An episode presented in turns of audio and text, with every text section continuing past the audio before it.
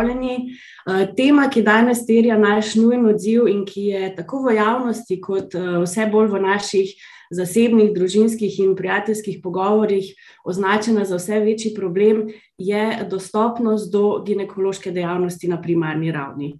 V Sloveniji je več kot 200 tisoč žensk, starejših od 15 let, ki so brez izbranega ginekologa. Na kar še posebej opozarjajo pri Združenju mladih zdravniki, pa je, da bi lahko zaradi upokovanja brez ginekologa v naslednjih petih letih ostalo kar 300 tisoč žensk. Socialni demokrati smo se zato tudi skozi naš proces priprave programa Nov začetek ukvarjali s tem, kako zagotoviti ta načrt za večjo dostopnost specialistk in specialistov ginekologije in porodništva na primarni ravni, in tudi kako nekako splošno okrepiti pravice spolnega in reproduktivnega zdravja v Sloveniji. Z z menoj so zanimive sogovornice in sogovorniki, vsak s svojega vidika, pokriva to področje, zato jih kar lepo pozdravljam, magistra Bojana Muršič, poslanka Socialnih demokratov, doktor Tanja Španič, predsednica Združenja Evropa Donna Slovenija, Maja Starc, specialistka ginekologije in porodništva, potem Tanjo Matjaševič, našo mlado kolegico in članico programskega odbora Inštituta Osmi marec, ter doktor Branka Gabrovca, predsednika strokovnega sveta SD za zdravstvo. Najprej hvala lepa vsem za vaš odziv in za tale naš krajši pogovor.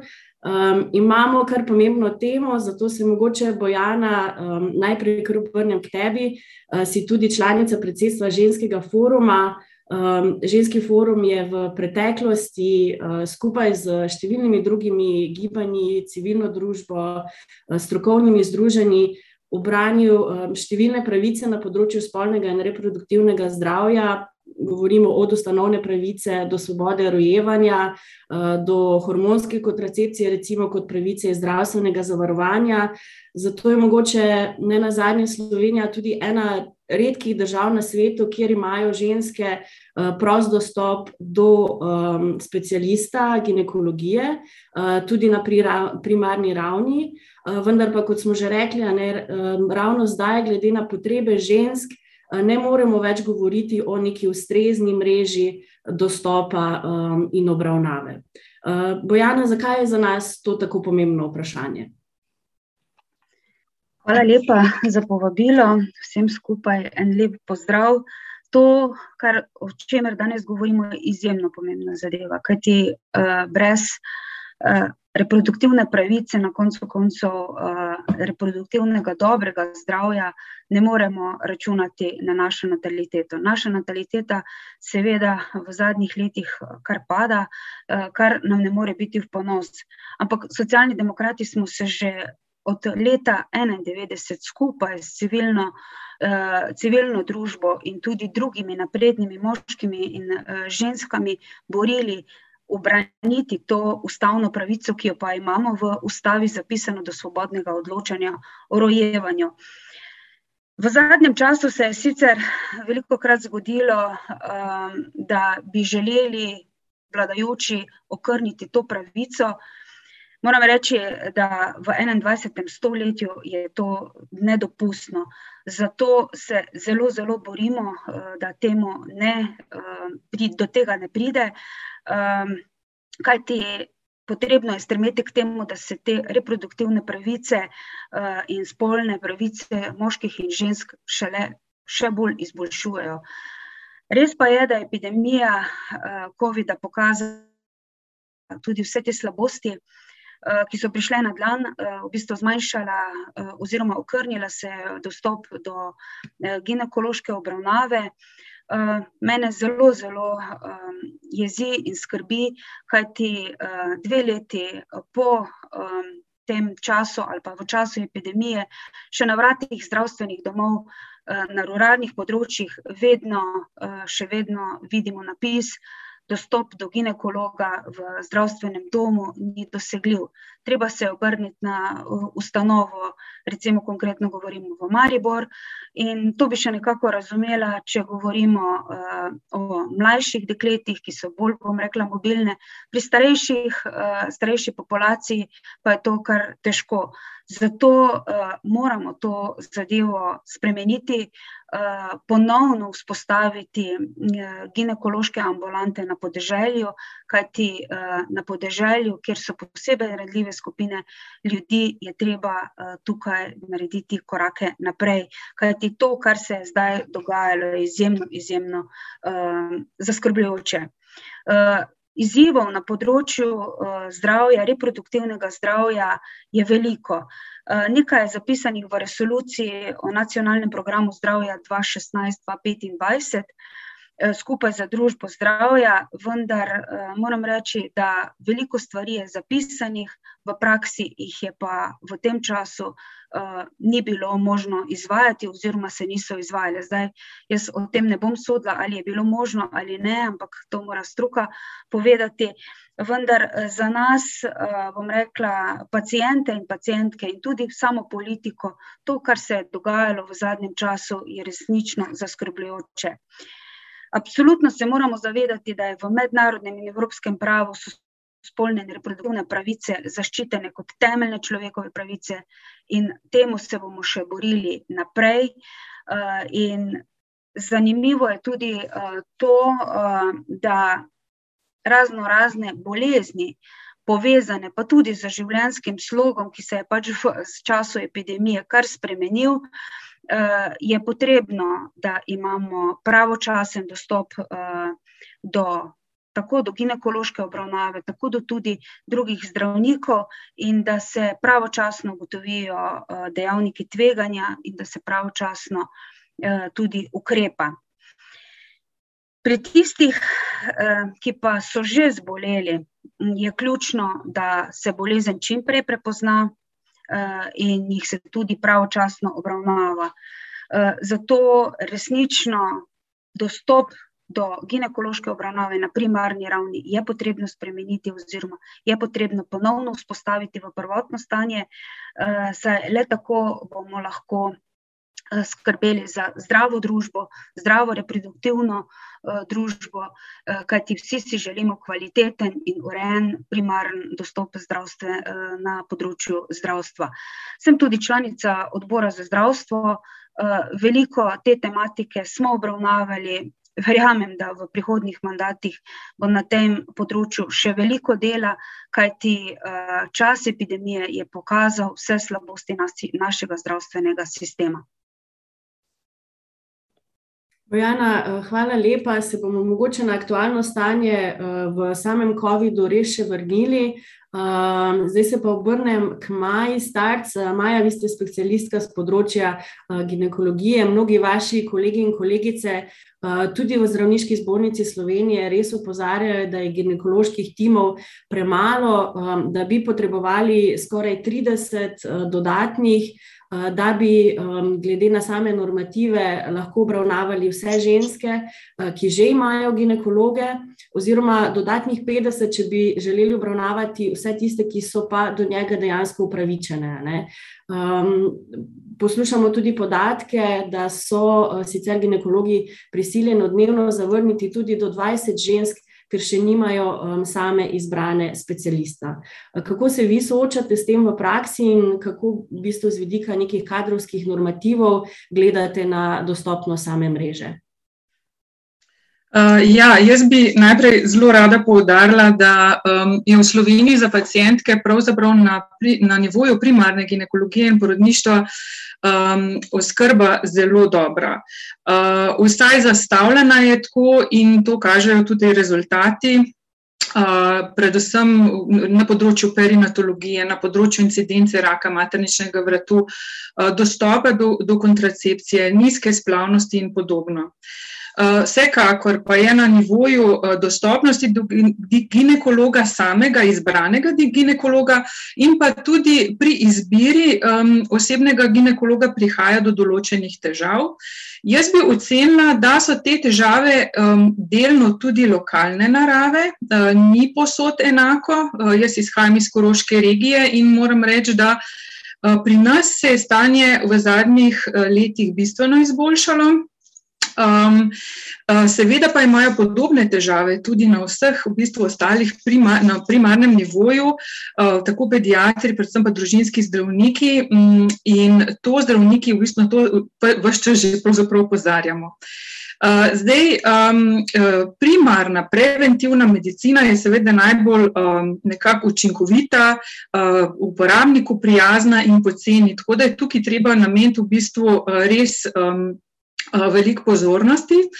Um, in podarila bi tudi, da, da, um, da bi bilo to, um, da bi bila potrebna natančna analiza vzrokov nedostopnosti do ginekologov.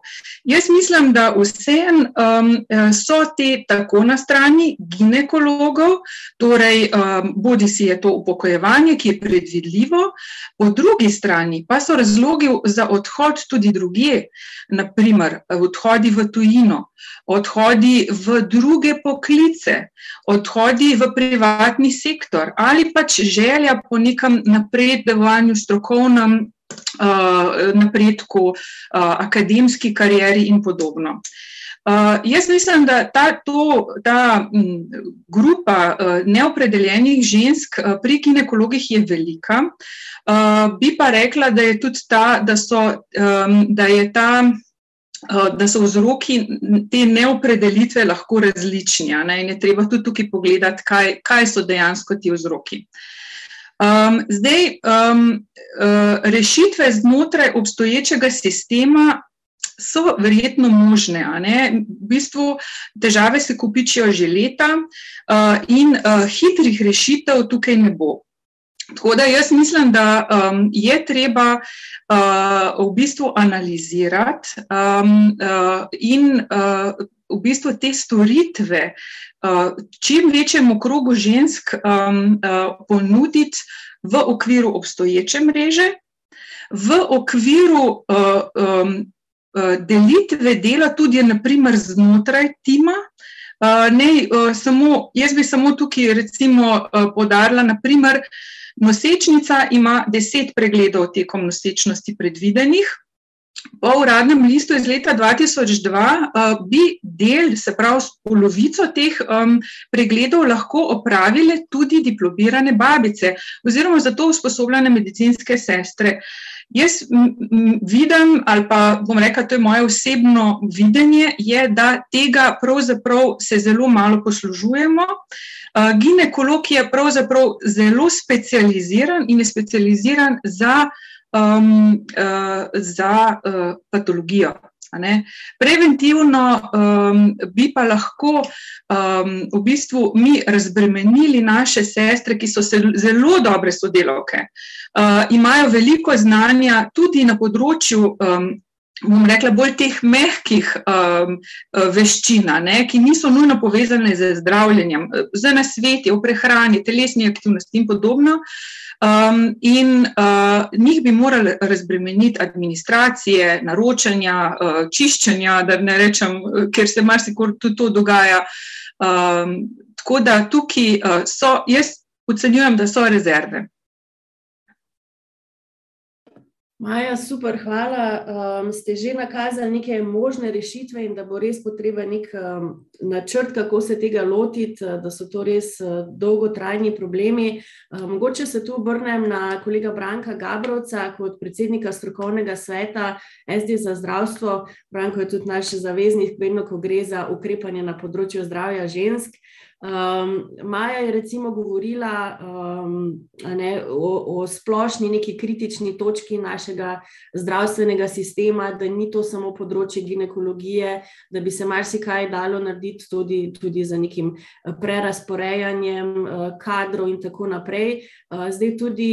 Um, Znano nam je dejstvo, da je več kot 10 tisoč prebivalcev brez izbranega osebnega zdravnika, kaj šele ta številka 200 tisoč žensk, uh, Eh, brez opredelitve pri ginekologu. Um, kako mogoče tvoj ta nek sistemski bolj uh, po, pogled, kako lahko ukrepamo danes, ko govorimo o organizaciji našega zdravstvenega sistema, um, o čemer je pač prav za področje gineko ginekologije že govorila Maja? Lepo pozdravljeni. Najprej, najprej hvala za, seveda, za to vabilo, to cenjeno družbo in seveda zahvala za uh, odpiranje tako pomembnih tem, kot je tudi ta. In seveda, ja, jasno, da sem vaš zaveznik, tako kot ste, seveda, vi naš, um, en brez drugega, seveda ne gre. Um, težave, ki se seveda pojavljajo zdaj, so čisto sistemske težave in ne zgolj na področju ginekologije ali pa reproduktivnega zdravja, ampak kar zelo široko. To, kar danes vidimo, jaz sem dokaj kritičen do sistema kot takega. Lahko rečem, da nam bolj ali manj razpada. Ne? Um, že nekajkrat sem v izjavah rekel, tako, da um, imamo težave, ki so se kopičile nekako 30 let in se nam kopičijo naprej. Pač resor, uh, zdravstveni resor je veliko krat bil pač ujetnik nekih takšnih in drugačnih politik, um, neke resne spremembe se niso zgodile. In pač gasimo požare, tako z dneva v dan. Predvsem pa pozabljamo nekaj, kar je vem, zelo pomembno. Jaz se mi zdi, da je to izvodenel, se še spomnim. Še mojih uh, dni na oddelku smo pač govorili, da je pacijent, pacijentka so v središču ne, zdravstvenega sistema. Zdaj se mi zdi, da je tega bolj manj, da se ukvarjamo z vsem drugim kot pa to. Ne. In ja, ne, predvsem um, smo talci tega, da se nič resnega ne zgodi, nobene resne reforme. Čeprav moram reči, da osebno se uh, izogi, izogibam izraza reforma, ker to lahko pomeni tudi, da gremo reforma v čisto drugačno uh, stran, ki pa si jo mi ne želimo. Na nek način smo, sem predvsem velik zagovornik javnega zdravstvenega sistema bi si zelo želel, da imamo sistem, ki, kjer bojo rdečo preprogo potegnili do mojih vrat, ne? da še tisti, ki nosijo moja nosila, bojo šli po tej preprogi. In bi bil vesel, da tak sistem lahko ima, imamo vsi. Ne. Zato, seveda, oziroma je potegne, da moramo imeti taka določena zavarovanja, ki seveda jih še tudi nimamo, ampak tudi če jih bi imeli, si jih žal ne bi mogli privoščiti. Ne. Kupna moč našega prebivalstva je žal veliko manjša. In vse posod, kjer grejo v to smer, se jasno da pozna, da se zdravstveni sistem draži. Lahko je tudi veliko bolj organiziran, lahko je kakovostno, ne smemo na to pozabiti, ampak se drži in potem se dostopnost še manjša. In tako kot je v družinski medicini, kot si že omenila, tako kot ste ostale zdaj že omenile, je ključna stvar trenutno dostopnost zdravstvenega sistema. In stvari, ki so se nabirale v treh desetletjih, so zdaj še bolj ali manj eskalirale v času COVID-a kot takega, kjer se je dostopnost do sistema samega in samih storitev zmanjšala. Ne govorim, koliko so se zgolj že preventivne storitve kot take zmanjšale. In, um, zdaj, če nekoliko EPP-ja v našem programu, naš, mi smo pripravili zelo celovit program, uh, resne posodobitve zdravstvenega sistema in urgentnih točk, se predvsem dotika dostopnosti same. Ne. Omenila si že, da imamo veliko, naprimer, veliko ljudi, ki nimajo osebnega zdravnika, zdaj jih je že čez 133 tisoč, vsi imajo urejeno zdravstveno zavarovanje, ampak pač zdravnika ne morejo izbrati. To, da se je pred časom šlo v to, da se je seveda glavarina močno znižala, mm, je bilo dokaj nepremišljeno. Seveda, če govorimo o kakovosti obravnave, seveda zelo pomembno, ne, si vsi želimo dobiti najbolj kakovostno obravnavo, ampak jasno, če to storiš, mora v sistem priti dovolj eh, zdravnikov, ki ta mesta eh, zapolnijo. In podobno težavo se mi zdi, da imamo tudi tukaj. Um, predvsem, ko govorimo o dostopnosti na primarni ravni, kot taki, moramo zelo odkrito povedati, da je marsikom tudi v začetku karijere, ko so življenjski cilji zelo pomembni, pomembna, um, bolj pomembno delo na sekundarju, ki je nekako tudi bolje uvrednoteno, če povemo zelo pošteno, mogoče so obremenitve tudi drugačne. Ne? In to je to, kar smo tako že nakazali, pa tudi v delitvah kompetenc, ne, bi bila ena taka rešitev, ki bi bila lahko.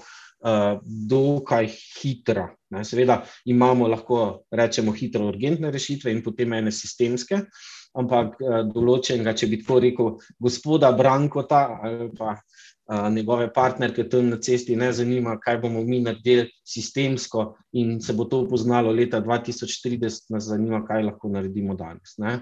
In seveda to je razbremenito uh, nekoliko delito teh kompetenc kot takih. Predvsem pa na zadnje zdaj zelo veliko govorimo uh, tudi o povračilu za dobro upravljeno delo. Ne. Na sistemski ravni pa ja, seveda, ko pa govorimo o spodbudah za to, da se bodo odločili za takšne specializacije in delo že v času študija in potem naprej drugačno vrednotenje tudi v času specializacije same. Tako da toliko za začetek oziroma na kratko. Franko, hvala lepa. Za Majo ste se lepo dopolnjevala. Um, omenil si kakovostno obravnavo, omenil si eh, pacijenta v središču uh, sistema. Uh, jaz sem mogoče na tej uh, točki obrnjen dr. Tanja Španič, uh, predsednici Združenja Evropa Dona Slovenije. Uh, Pri nas zelo eh, spoštovane združenje za boj proti raku dojk, eh, poznamo številne vaše akcije ozaveščanja, eh, predvsem pa si prizadevate res za to neko celostno obravnavo bolnic z rakom dojk in rakom rodil. Povezujete številne strokovne institucije v Sloveniji, ki delujejo na tem področju. Ehm, kaj v bistvu z vaše strani za posameznika oziroma posameznico pomeni ehm, zagotavljanje recimo teh rednih preventivnih pregledov, eh, državnih presejalnih programov, ki jih poznamo, in pa predvsem ta kvaliteten primarni nivo oskrbe. Ne. Kaj bi recimo z vaše strani pomenilo, če v naslednjih letih brez nekega pravega načrta, brez ginekologa ostane 300 tisoč žensk? Lepo pozdravljeni tudi iz moje strani in hvala za današnje povabilo. Vsekakor lahko samo prikimam in se strinjam z vsem, kar so moji predhodni sogovorniki že povedali. Zagotovo je dostop do primarja nekaj najbolj pomembnega, tako ginekologa oziroma do ginekološke obravnave, kot do družinskega zdravnika. Nažalost smo se v zadnjih dveh letih, ko nas je doletela ta pandemija, uh, naučili in videli dejansko, kje naš sistem ne deluje in kje nam najbolj škripa. Najbolj, seveda, lahko komentiram uh, dostop oziroma obravnavo žensk uh, na tem področju, ki postanejo dejansko onkološke bolnice. In to je, seveda, primar, ki izvaja presejalni program uh, za zgodnje odkrivanje raka materničnega vratu in, seveda, z rednimi ginekološkimi pregledi tudi ostale bolezni in ostale uh, karcinome oziroma rakava obolenja uh, na rodilih. Moram reči, da smo ravno iz te uh, izkušnje epidemije videli, kakšno je to hudo pomankanje in kaj pomeni ta nedostopnost, seveda pri upadu diagnoz oziroma postavljenih diagnoz uh, samih uh, rakavih obolenj in seveda tudi stopnje, v kateri fazi je bolezen odkrita. Tudi tiste ženske, ki so prišle do diagnoze, so uh, se nekatere zelo, zelo namučile, da so prišle do obravnave kar recimo, da lahko z vami podelim nekaj izkušenj iz terena. Slišali smo že tiste iz zdravstvenega doma, iz zdravstvenih ustanov. Na nas so se dejansko ženske obračale, ko niso mogle priti do svojega ginekologa. Kot je na začetku gospa Bojana povedala, dejansko so vrata zaprta, nadomeščanje ni bilo objavljeno, gospa ni mogla priti do napotnice, da bi lahko šla naprej. Ko je enkrat prišla gospa do napotnice, do diagnoze, vstopila na terciar, se pravi na onkološki inštitut ali UKC Maribor, so stvari stekle. Vendar ta pot od začetka, od diagnoze do pregleda je bila uh, zelo težka in zelo dolga. Kar lahko vidimo tudi v, števila, v številu novih diagnoz in v stadijih, kdaj so nove diagnoze odkrite.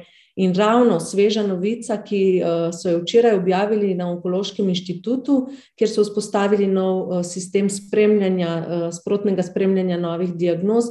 Ponovno smo bili v, pretek, v zadnjem četrtletju leta 2021 priča uh, velikemu upadu prvih napotitev na prvi pregled na onkološki inštitut. Tu se spet vrnemo, ne? ni problem v terciarju, ne spet se vračamo na ta primar in na to dostopnost.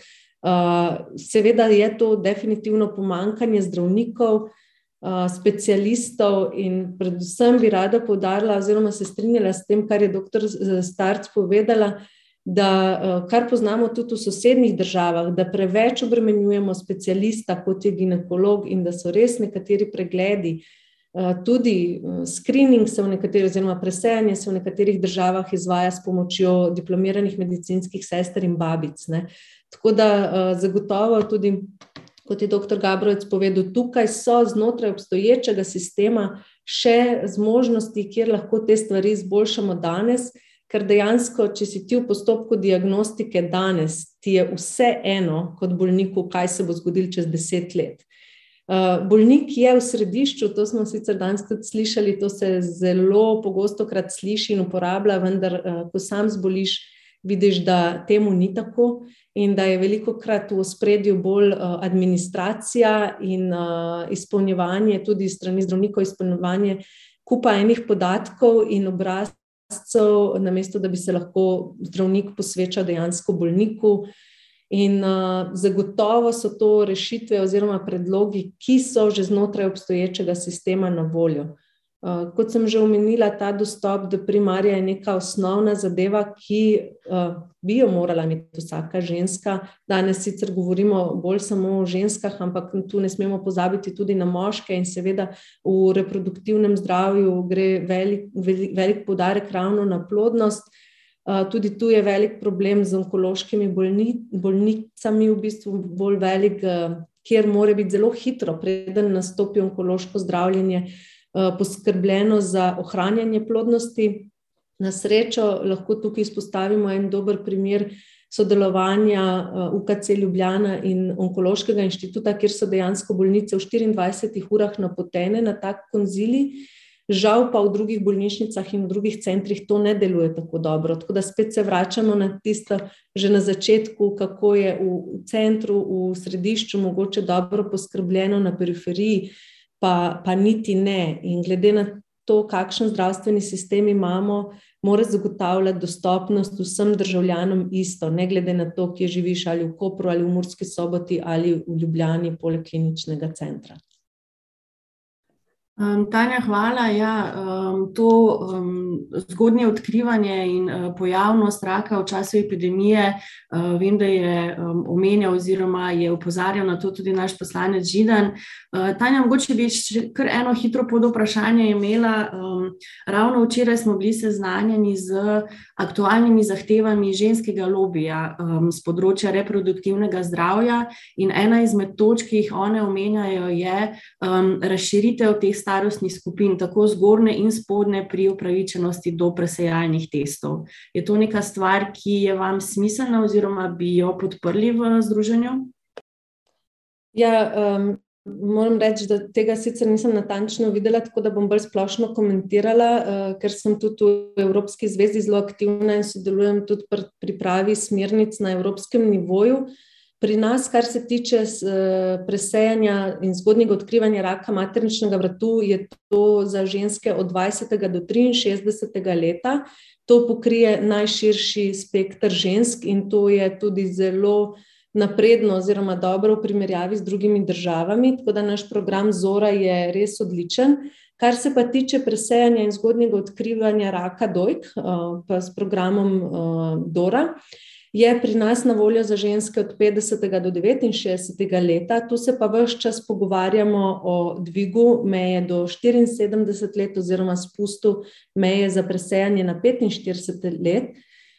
Tukaj smo tudi v sklopu evropskih smernic in v tesnem sodelovanju tudi z Evropsko komisarko za zdravje postavili zelo jasna, oziroma na dokazih temelječa priporočila, In sicer dvig meje na 74 let je uh, zmerno priporočljiv, kar pomeni, da se pri, predlaga mamografija potem na tri leta, in spust meje na 45 let uh, enako, ker tukaj moramo vedeti, da je med 45 in 50 bistveno manj žensk in da lahko več ženskam povzročimo stres uh, in neljube dogodke z pretirano diagnostiko oziroma s ponavljanjem diagnostike, kot pa tistih žensk, ki jih bomo odkrili. Zato menimo, da je tukaj bolj pomembno, da več o samem raku govorimo, o samo pregledovanju, spremljanju, osveščanju žensk, kako morajo skrbeti za svoje zdravje in na kaj morajo biti pozorne, se pravi na neke zgodnje znake, spremembe v telesu,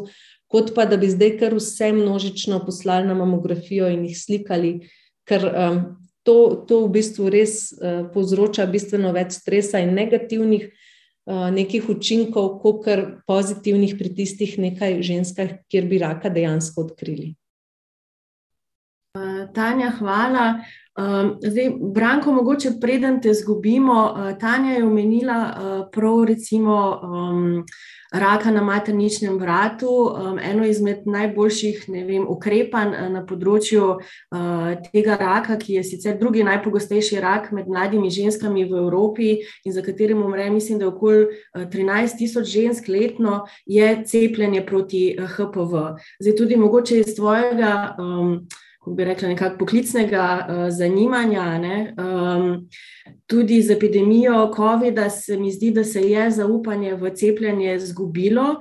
Um, kaj bomo mogli narediti na področju uh, povrnitve zaupanja, recimo v cepljenje, uh, tudi pri tistih boleznih, ki recimo prizadanejo specifično prav ženske? Ali je epidemija imela kak učinek tudi um, na, na tem področju?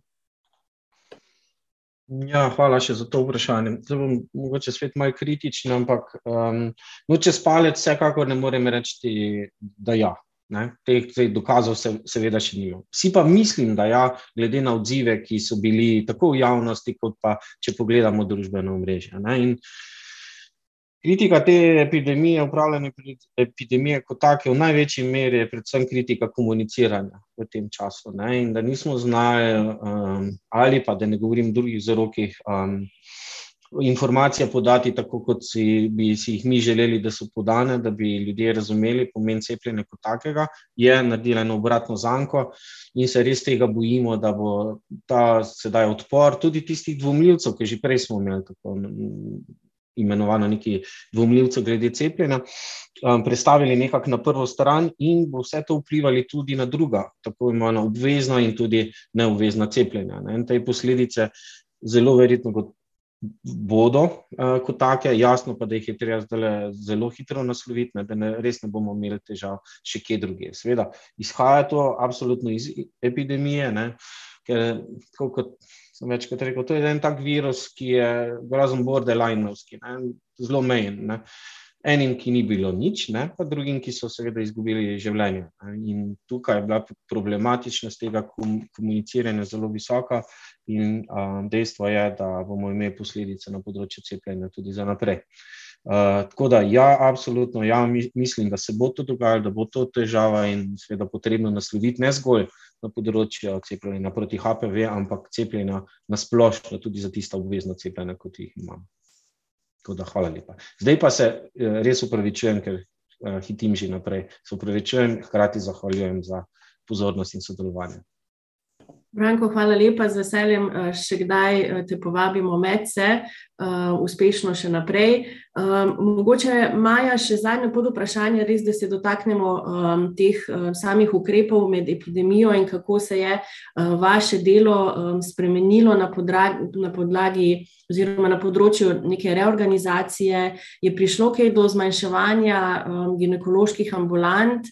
Um, Bojana je že na začetku omenila, res, da te dostopnosti ni bilo.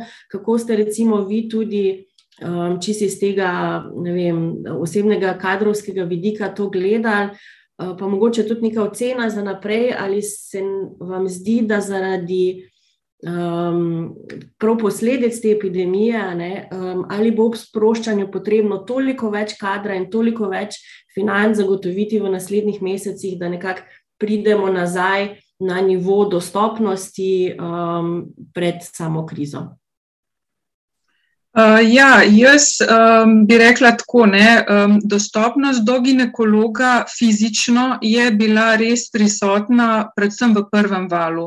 Torej, med marcem in majem 2020, takrat moram reči, da, da, so, v bistvu, da se je ginekološka stroka zelo organizirala in je predvsem z vidika, um, ker takrat v bistvu v virusu nismo nič vedeli, niti nismo imeli dovolj um, uh, varovalne opreme, uh, se je uh, služba centralizirala organizirala. In takrat nosečnice res da niso mogle dostopati do svojega ginekologa.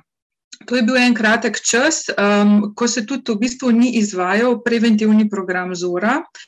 Uh, kasneje pa je bila ta dostopnost večja, vendar zaradi, pač, uh, ker je bilo treba nadoknaditi zaostanek, um, ker je bilo um, še vedno v bistvu recimo bolezen, uh, predvsem pa tudi bi rekla strah ženska ne, do obiska zdravnika. Uh, je teh, občutno je bilo teh um, uh, obiskov manj, čeprav pravzaprav smo bili ginekologi v tem smislu dostopni. Uh, vedno več je v bistvu znakov, da um, opustitev preventivne dejavnosti ni dobra. In to je tudi v bistvu za uh, zoro se pokazalo, da je, je več v bistvu patoloških brisov, več um, uh, raka materničnega vratu. Um, nekako v bistvu v okolju, kjer delam. Ne morem to pač znanstveno potrditi, ampak je občutek, da ženske pridejo kasneje. Eh, na obravnavo rakov, eh, ki smo jih mogoče pa prej prej uh, odkrili. Um, tako da um, uh, zelo težko komentiram, jaz, svo, v bistvu jaz gledam iz svojega, ne pri nas je dostopno. In uh, se zelo trudimo, da tudi, recimo, če operacije odpadajo, da jih hitro nadoknadimo. Um, uh, ker sem pač sama sem tudi del uh, sekundarnega nivoja, ne, da se v bistvu nadoknadi ta manjko. Seveda je pa to spet ne lokalno odvisno, um, um, nekako ni neke, uh, um, uh, neke zagotovitve, da bo ženska dejansko prišla do ginekologa, če, če ga potrebuje. Um, ja, Maja, hvala. To so um, neke skrbi, um, ki, ki si jih vsi delimo in katere rešitve bo sigurno treba poiskati. Um, z nekimi temi osebnimi izkušnjami in osebnimi pričevanji um, se uh, ukvarjajo tudi v inštitutu 8. marec. Pozdravljam uh, Tanjo Matjaševič. Um, zdaj, Tanja, z inštitutom ste, ste glasnik neke te mlade generacije in tudi splošno civilne družbe na področju enakosti spolov. V zadnjem času pogosto sodelujemo s, tako pri spremembah kazenskega zakonika, na splošno osveščanju um, o, o zdravju žensk in kaj to pomeni za njen boljši položaj v družbi. Um, večkrat ste se na stranke ali pa poslanske skupine obrnili z nekimi opredelitvami do zahtev po reproduktivnih pravicah žensk, o ukrepih, ki bi jih bilo potrebno izvajati. Um, Tanja, povej, kakšne so vaše neke nadaljne aktivnosti in kje ocenjujete, da je to uh, delovanje aktivne civilne družbe in uh, mogoče politike še potrebno? Ja, uh, najprej hvala za povabilo. Um, ja, jaz bi se kar navezala na stvari, ki so bile že povedane. Res je, da mi izhajamo iz, uh, se pravi, smo nek glas uh, civilne družbe, uh, vedno prisluhnimo zgodbam, ki nas obkrožajo. Eh, če se navežem na gospoda, ki je govoril uh, pred mano, uh, gospoda Branka, um, nas tudi skrbi, da bi politika posegala v žensko telo in da bi žensko telo postalo žrtev nekih politik, takšnih ali drugačnih. In pa gospod Tanjo Španič, ki je rekla, da so v središču seveda ljudje, ki potrebujejo oskrbo, ljudje, ki potrebujejo predvsem informacije. S tem namenom tudi pozdravljamo javni diskurs na temo ženskih reproduktivnih pravic, telesnega in mentalnega zdravja žensk. Tudi sami v ta namen pripravljamo okrogle mize, um, izdajamo publikacije. Naša direktorica je napisala knjigo o, um, na temo. Nikako več je napisala knjigo na temo eh, splava uh, kot osebne odločitve, in je ugotavljala, da v bistvu še vedno o tem v javnosti ne govorimo, niti s prijateljicami. Um, zdaj, podobno lahko ugotavljamo tudi na glede reproduktivnega zdravja. Uh, Eh, pred kratkim smo v naših srednjih pogovorjih gostili uh, gostjo Tonijo uh, Jerele, ki je spregovorila o svojem soočanju z, bolez, lastno boleznijo in je na socialnih omrežjih napisala takole. Uh, leta, lasi sem začela izgubljati nekje okrog mojega 25. leta. Takrat so mi tudi postavili diagnozo sindrom policističnih jajčnikov prvič sem slišala za to bolezen na dan, ko so mi jo diagnosticirali. Uh, ta zapis je zaskrbljujoč, uh, to govori o pomankanju informacij. Um, Spogledi na to, da gre za eno izobraženo mlado žensko, ki ima dostop do zdravstvene oskrbe, Um, tako da um, tudi sami opažamo, da je obisk ginekologa ali ginekologije stvar, ki pride kar pozno. Uh, se zgodi kar pozno, uh, zdaj neke rešitve smo tukaj že danes slišali, da lahko bi pač tudi uh, ta, te informacije na drugačen način podali, lahko bi razbremenili uh, ginekolo, ginekologe, ginekološko stroko. Um, mogoče je pač tudi eh, v, tukaj v spredju sram um, do, pač, eh, do tega, do teh bolezni. Uh, Tonja govori o izpadanju las, uh, o tem, kakšne standarde v družbi um, naj bi ženska uh, pač predstavljala in jim sledila. Um, mi se zauzemamo ja, za socialno državo, trkamo na vrata um, in um, je nujno, da javno zdravstvo podpre ginekološko stroko in zagotavlja dostop do storitev. Um, seveda, pogledujemo tudi preko uh, meja naše države, skrbi nas politika na Polskem, ki je si prilastila kontrolo nad ženskim telesom s tem, ki je praktično onemogočila dostop do splava, namesto da bi pač zagotovila neke pogoje, kjer bi spodbudila nataliteto, če pač to je nek cilj uh, tega. Zato v bistvu tudi trkamo na vrata vladajočih strank, pošiljamo vprašalnike in vabimo na intervjuje poslance in seveda sodelujemo s strankami zato, da jim sprašujemo, kakšna so stališča ker uh, pač od nekaterih nismo dobili odgovora, že vem, 150 dni smo včeraj uh, prešteli. In žal so to pač stranke, ki po zadnjih raziskavah še vedno dobivajo naklonjenost voljivk pa voljivcev. Um, pač same pač res poskušamo vabiti, uh, vesela sem, da je tukaj stroka, ampak tudi specifično, da bi se pogovarjali o boleznih, o težavah, s katerimi se pač posameznice v naši družbi um, soočajo, soočamo. Tako. Anja, super, hvala. Jaz mislim, da iz, ne, iz vsega današnjega pogovora, še posebej iz te tvoje zadnje intervencije, je, da v bistvu ta položaj ženske v družbi um, je izjemno pogojen tudi z njenim zdravjem in tudi z samim standardom zagotavljanja spolnega in reproduktivnega zdravja. Bojana, če mogoče mi dve zaključiva nekako tale uh, naš pogovor, uh, k čemu se moramo ali pa k čemu bi se vsi skupaj morali uh, zavezati, kar se tiče samega zdravja žensk um, in v bistvu kako potem skupaj izpeljati ta načrt uh, večje krepitve uh, dostopnosti ginekološke dejavnosti, še posebej na primarni ravni. Ja, danes smo slišali kar zanimive razprave. Moram reči, da uh, stroka je povedala svoje, za kar se jim iskreno zahvaljujem. Uh, na politiki pa je, da tej stroki tudi prisluhne, kajti eh, slišali smo, seveda, to vsi vemo, da je potrebno reorganizirati delo v posameznih uh, ustanovah, ampak uh, tukaj tudi mora narediti politika z sprejemom posameznih aktov določene uh, korake naprej. Uh, prerasporeditev kadra, absolutno da, absolutno se strinjam s tem, kar je bilo povedanega, da bi lahko diplomirane medicinske del, uh, sestre opravile del ginekologin in bi bile tako razbremenjene, bi lahko več opravile uh, dela z samimi pacijentkami in absolutno pacijenta je potrebno postaviti v središče pozornosti. To je ključno in uh, tukaj mora politika res slediti uh, temu in pacijent središče pozornosti.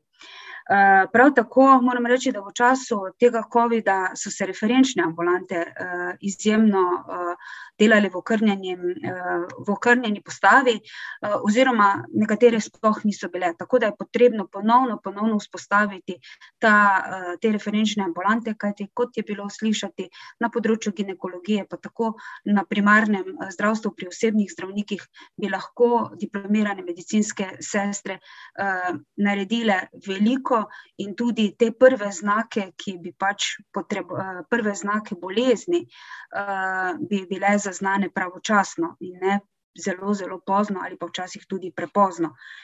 Za politiko moram reči, da ta pogovor je korak v pravo smer. Socialni demokrati bomo sledili vašim predlogom, kajti treba je poslušati stroko. Mi, politiki, dejansko vzamemo na znanje strokovna mnenja, jih potem poskušamo udejaniti z našim programom in tudi z samim delom v samem parlamentu. Res me žalosti to, kar je bilo na koncu tudi povedanega, da nekatere parlamentarne stranke ne odgovarjajo na vaša vprašanja. Zelo zanimivo je slišati tako eno, tako drugo stran in tukaj upam, da boste vztrajali še naprej, jih pozivali, da se nekako izoblikuje tudi njihovo mnenje, kajti za javno zdravstvo je to izjemno, izjemno pomembno, da vemo, kaj lahko pacienti tudi v bodoče pričakujejo. Absolutno pa moramo res slediti temu, da so pacienti oziroma ljudje, dokler še pač ne pride tako daleč, dobro informirani, da so opolnomočeni, in takrat, ko pride do te ključne zadeve, da imajo hitro, kvalitetno in dostopno javno zdravstvo, ne pa z ne vem kakšnimi administrativnimi ovirami, zaprtjem vrat in tako naprej. Težav na tem področju je več kot preveč in naslednje politike, naslednja politika bo na tem področju morala narediti koreniti rez in zdravje bo naša prva prioriteta v našem programu Socialnih demokratov za mandatno obdobje dva dvaindvajset-dva dva šestindvajset. Toliko iz moje strani, vsem skupaj se zahvaljujem za vaš pogovor. Neva, izvoli, beseda je tvoja. Bojana, hvala lepa za lep zaključek, tema je res težka in zelo specifična, ukrepi, ki nas čakajo naprej, tudi niso lahki, je pa tema, ki zadeva res vse izmed nas, in se osebno dotika velikega števila žensk, da hvala za vašo udeležbo in za vaša mnenja, upam, da smo Socialni demokrati lahko prispevali k tej neki širši javni razpravi o položaju žensk in pa predvsem zdravju žensk v naši družbi, in do naslednjič, se srečamo. Hvala.